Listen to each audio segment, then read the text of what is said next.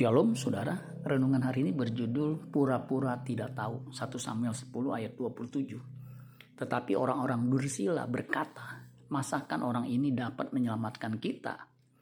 Mereka menghina dia dan tidak membawa persembahan kepadanya. Tetapi ia pura-pura tuli.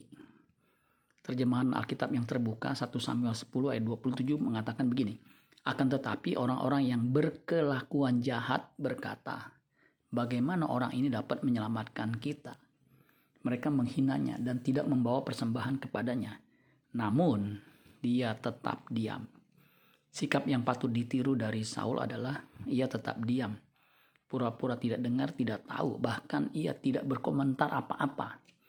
Terjemahan lain mengatakan seperti ini. Namun beberapa orang pengacau mengatakan, apakah mungkin orang itu bisa menyelamatkan kita? Mereka menghina Saul dan tidak memberikan hadiah kepadanya. Namun Saul tidak mengatakan apa-apa. Terjemahan bahasa Indonesia masa kini mengatakan, tetapi beberapa orang jahat berkata, mana mungkin orang ini akan berguna bagi kita.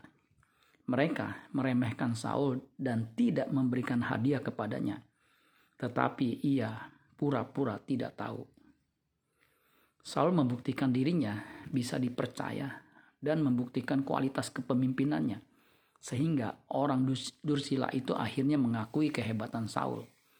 1 Samuel 11 ayat 15. Lalu pergilah seluruh bangsa itu ke Gilgal dan menjadikan Saul raja di sana di hadapan Tuhan di Gilgal. Dan mereka mempersembahkan di sana korban keselamatan di hadapan Tuhan. Dan bersukarialah di sana Saul dan semua orang Israel dengan sangat.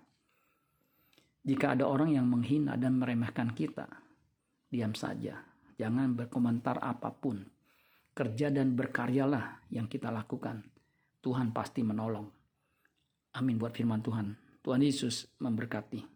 Sola Gracia.